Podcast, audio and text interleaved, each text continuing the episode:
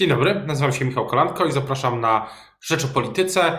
Tematów jak zwykle nie zabraknie, od sytuacji e, na granicy po sytuację polityczną w polskim Sejmie i nie tylko. A Państwa moim gościem będzie Michał Szczerba, poseł Koalicji Obywatelskiej z Warszawy. Dzień dobry. Państwa moim gościem jest Michał Szczerba, poseł Koalicji Obywatelskiej. Dzień dobry, słyszymy się? Tak, dzień dobry, witam panie redaktorze. Chciałbym przede wszystkim e, o, e, mamy koniec sierpnia i to jest rok od e, dymisji zmiany w Ministerstwie Zdrowia. Michał Adam Niedzielski zastąpił Łukasza Szumowskiego i pytanie, jak z Pana perspektywy wygląda ten rok? Co się teraz dzieje w tych sprawach, które Pan śledzi?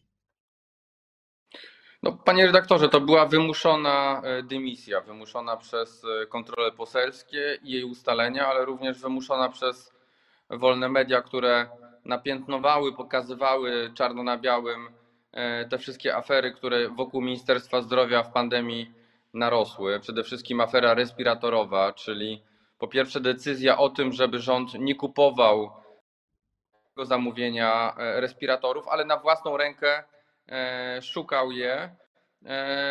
No i akurat, tak powiem, trafił na handlarza bronią. Nie, nie, nie trafił przypadkowo, bo wiemy, że ten zakup był rekomendowany przez e, służby specjalne. Jaki jest efekt? I to są nasze ustalenia z posłem Jońskim. No przede wszystkim do tej pory e, nie wróciło 50 milionów z przedpłat, które w kwietniu 2020 roku e, Łukasz Szumowski wypłacił handlarzowi bronią.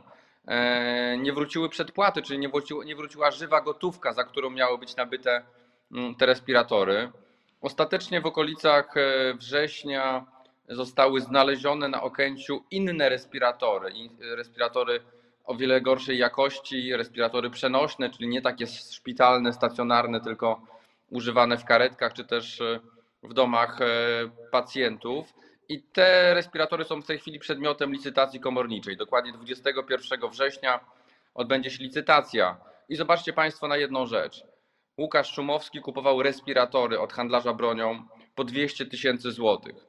Wtedy, kiedy e, biegły sądowy na prośbę Sądu Rejonowego e, dla, dla Lublina Wschód wycenił te respiratory, które zostały odnalezione, wycenił e, je na kwotę 40 tysięcy.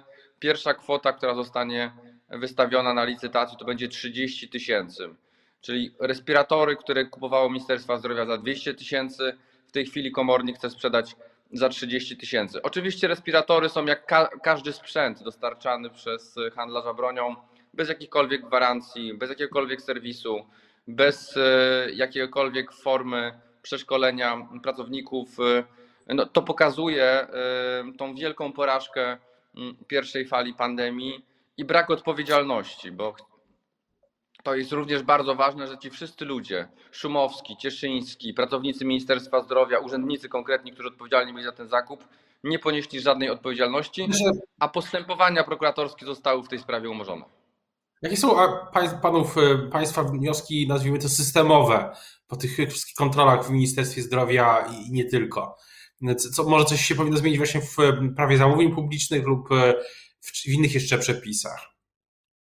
Panie redaktorze, y, przypomnijmy, że w marcu ubiegłego roku y, y, Sejm przegłosował, większość sejmowa przegłosowała kilka ustaw. Po pierwsze, to była ustawa o tym, że prawo o zamówieniach publicznych w czasie pandemii nie obowiązuje wtedy, kiedy trzeba ratować życie i zdrowie ludzi w czasie pandemii.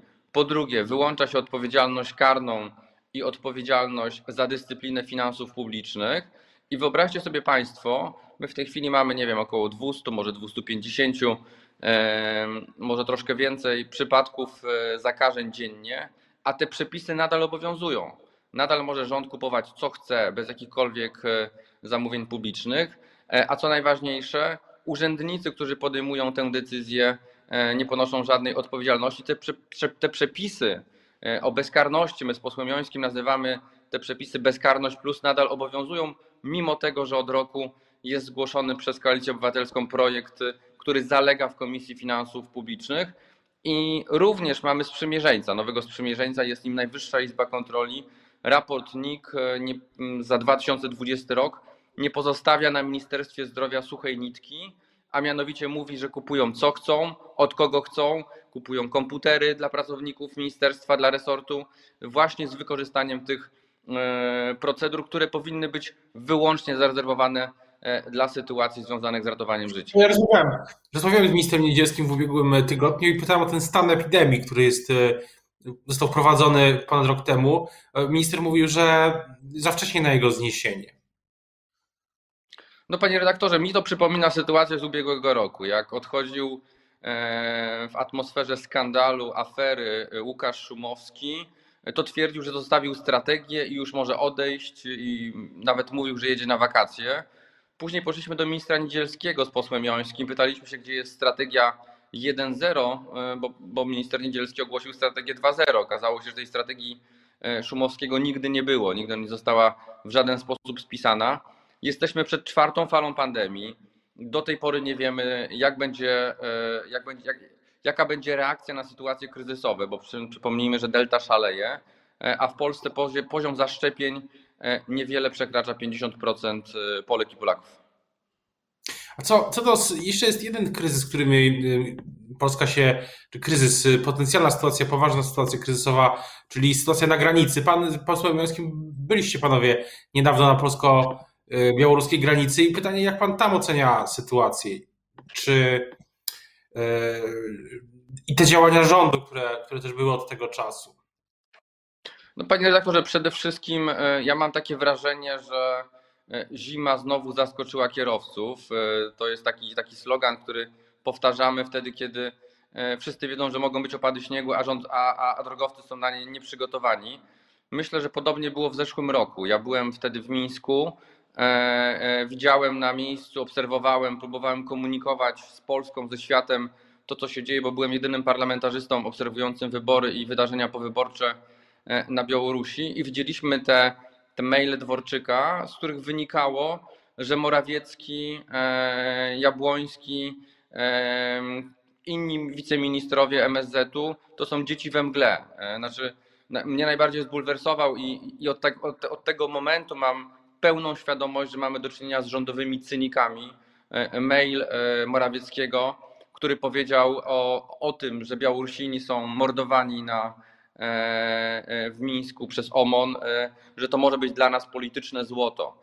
Polityczne złoto to jest określenie, którym oni nazywali śmierć niewinnych ludzi, którzy postanowili walczyć o wolność i demokrację dla, swojego, dla swojej ukochanej ojczyzny. I dzisiaj ten cynizm również widzę E, widzę na granicy, widzę kompletną nieudolność, bo przecież ten kryzys uchodźczy, ten, ten, ta sytuacja mm, e, z tą przestępczą akcją Łukaszenki, która się dzieje na granicach z Unią Europejską, to nie jest nic nowego. Przecież ten kryzys na, e, na granicy białorusko-litewskiej trwa od dobrych dwóch miesięcy.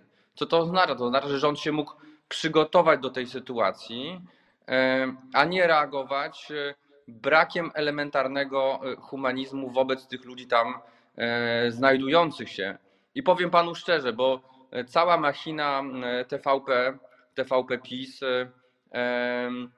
została rzucona przeciwko tym ludziom, tym mieszkańcom, tym organizacjom, którzy tam przychodzą i przekazywali przez te tygodnie nieobecności rządu jedzenie, wodę, śpiwory. E, że nikt nie będzie pouczał mnie i nikt nie będzie pouczał posła Jońskiego. Mówię o rządzie, mówię o propagandzie rządowej, e, czym jest człowieczeństwo i nikt nas tego człowieczeństwa nie zwoli. My tam pojechaliśmy wyłącznie po to, żeby przekazać to wszystko, co mogliśmy po prostu włożyć do bagażnika, a byliśmy w okolicy, byliśmy w Białym Stoku na spotkaniu. E, to było kilkadziesiąt kilometrów do granicy i w sytuacji, kiedy wiedzieliśmy, że tam są dzieci, że tam są kobiety, my nie możemy postąpić inaczej. Tam nie było Donald Tusk mówi, e, że granica musi być szczelna. Tak, tak napisał w ubiegłą sobotę, jeśli się nie mylę. To jest absolutnym obowiązkiem państwa i w 100% podpisuje się pod słowami Donalda Tuska. E, państwo PiS zawodzi, państwo PiS jest nieskuteczne. Państwo PiS, bo potwierdził wiceminister Wawrzyk, e, przez kilka tygodni ostatnich, przez miesiąc pozwalała na e, nielegalne przekraczanie granicy. Jak to powiedział Wawrzyk, nie wiadomo co się stało z 700 osobami, które które przekroczyły granicę. Los ich jest nieznany, czyli można powiedzieć, używając tego śmiesznego i żenującego sformułowania Morawieckiego, oni się po prostu rozpierzchli. Więc mm, zobaczcie też Państwo na sytuację w Afganistanie ten rząd, gdyby nie presja opozycji, gdyby nie presja organizacji humanitarnych, gdyby nie presja współpracowników, e, e, którzy, ludzi, którzy byli po prostu w Afganistanie w czasie naszej misji e, w jednej z prowincji, nie ująłby się nawet za współpracownikami. Pierwsza reakcja Morawieckiego, reakcja z poprzedniej niedzieli, ograniczała się wyłącznie do informacji, że Polska udzieli 45 wiz humanitarnych, które będą mogli sobie którzy będą mogli sobie odebrać e, nasi współpracownicy, nasi sojusznicy, nasi tłumacze, pracownicy administracyjni naszych e, e, placówek dyplomatycznych w innym kraju. Co, kończę ten wątek, ale co powinno się stać z tą grupą ludzi na tym pasie ziemi niczyjej? Oni powinni trafić do Polski, Pana zdaniem? Panie redaktorze, e, ja nie jestem od rozsądzania, e, jak powinny być stosowane e, konwencje międzynarodowe. Ten temat zostawiam Rzecznikowi Praw Obywatelskich i w jego głos profesora Marcina Wiązka się wsłuchuję. Ten głos zostawiam również Europejskiemu Trybunałowi Praw Człowieka, bo wiem, że polscy prawnicy również złożyli stosowne skargi w tej sprawie. I to nie jest moja domena, to nie jest przedmiot mojej aktywności. E, ja po prostu jako człowiek, nawet nie jako poseł, nie wyrażam na to zgody, że wtedy, kiedy ktoś błaga o szklankę wody, jej się po prostu mu nie podaje. Znaczy, całe moje życie, a ja jestem mieszkańcem warszawskiej dzielnicy Wola, gdzie było getto, gdzie, by, gdzie ludzie sobie wzajemnie e, e, pomagali. Tutaj, tutaj u nas na Woli, tutaj u nas w Warszawie zawsze były obecne słowa Ireny e, Sendlerowej. E, każdemu, kto to nie należy podać rękę. Ten rząd nie podaje ręki, a dzisiaj robi, e, a dzisiaj robi, szanowni państwo, jakąś pokazówkę wtedy, kiedy zabraniał mi, zabraniał posłowi Jońskiemu, zabraniał mieszkankom, mieszkańcom tej okolicy na, na, na, na Podlasiu przekazywać śpiwory, przekazywać herbatę, przekazywać skarpetki, przekazywać E, ciepły posiłek. Dzisiaj robią pokazówkę z tirem e, Rządowej Agencji Rezerw Strategicznych, e, która będzie próbowała wjechać na Białoruś. Prawdopodobnie będzie to akcja zakończona kompletną klapą. Natomiast na koniec chciałbym zapytać o wydarzenie w tym tygodniu organizowane przez Rafała Trzaskowskiego Campus Polska. Będą tam też goście, będzie Donald Tusk, politycy Koalicji Obywatelskiej. Jaki jest sens, nie wiem, przekaz tego całego przedsięwzięcia Y, w, te, w tym obecnym kontekście politycznym? No, myślę, że nowa polityka potrzebuje nowych kadr i ludzi zdolnych, ludzi z umiejętnościami, ludzi, którzy chcą zmieniać świat i takich zgromadził Rafał Trzaskowski, powita ich razem z Donaldem Tuskiem, ale również wśród tych ludzi będę ja i będzie poseł Joński. Dostaliśmy bardzo ważne zadanie. Poproszeni zostaliśmy przez Rafała Trzaskowskiego, żeby zorganizować panel, e, warsztat dla, tych, e, dla tego tysiąca młodych ludzi o nazwie Jak patrzeć władzy na ręce. Tak? I szanowni Państwo, nie ma rzeczy ważniejszej niż patrzenie tej władzy e, na ręce. I tutaj zaprosiliśmy do tego panelu, do tego warsztatu i dziennikarzy śledczych, i osoby, które zajmują się kwestią sygnalistów, którzy są nękani później przez władzę wtedy, kiedy ujawniają niewygodne dla nich informacje. E, i, i, i kontrole poselskie, ale również każdy z nas, każda, każda i każdy z nas mamy prawo do informacji publicznej. Ten rząd boi się panicznie prawdy, ten rząd boi się panicznie rozliczeń e, i w tym panelu jak patrzeć władzy na ręce również te tysiąc młodych ludzi, młodych Polek, młodych Polaków e, nauczymy jak, jak analizować pewne kwestie, jak skutecznie korzystać z naszych praw obywatelskich. Uważam, że Polska jest krajem wielkiej korupcji. E, to partykularyzmy polityczne, środowiskowe decydują wyłącznie o tym, kto dostanie zamówienie na respiratory, e, od kogo się zakupi maseczki e, czy przyłbice, albo kto dostanie stanowisko, kto ma wuj... I, i kto ma, panie redaktorze, wujka w PiSie. No tak, ale z drugiej strony na przykład te mm, dane, dane OLAF, czyli tego Europejskiego Urzędu monitorującego wydawanie pieniędzy unijnych są, są w przypadku Polski no, bardzo korzystne.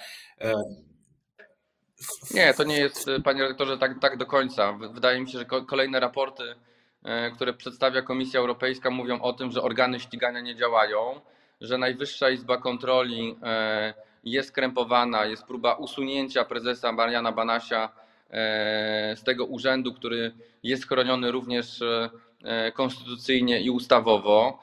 E, mamy do czynienia z, z naciskiem na, na sądownictwo, mamy do czynienia z naciskiem na prokuratorów, czyli wyłącza się te wszystkie normalne bezpieczniki w kraju demokratycznym, praworządnym, które powinny również poza posłami opozycji E, poza wolnymi mediami, które również przecież e, tylko i wyłącznie z tego powodu są nękane. Przecież e, ta koncesja dla TVN24 jest dawana, nie dawana, przepraszam, wyłącznie ze względów politycznych.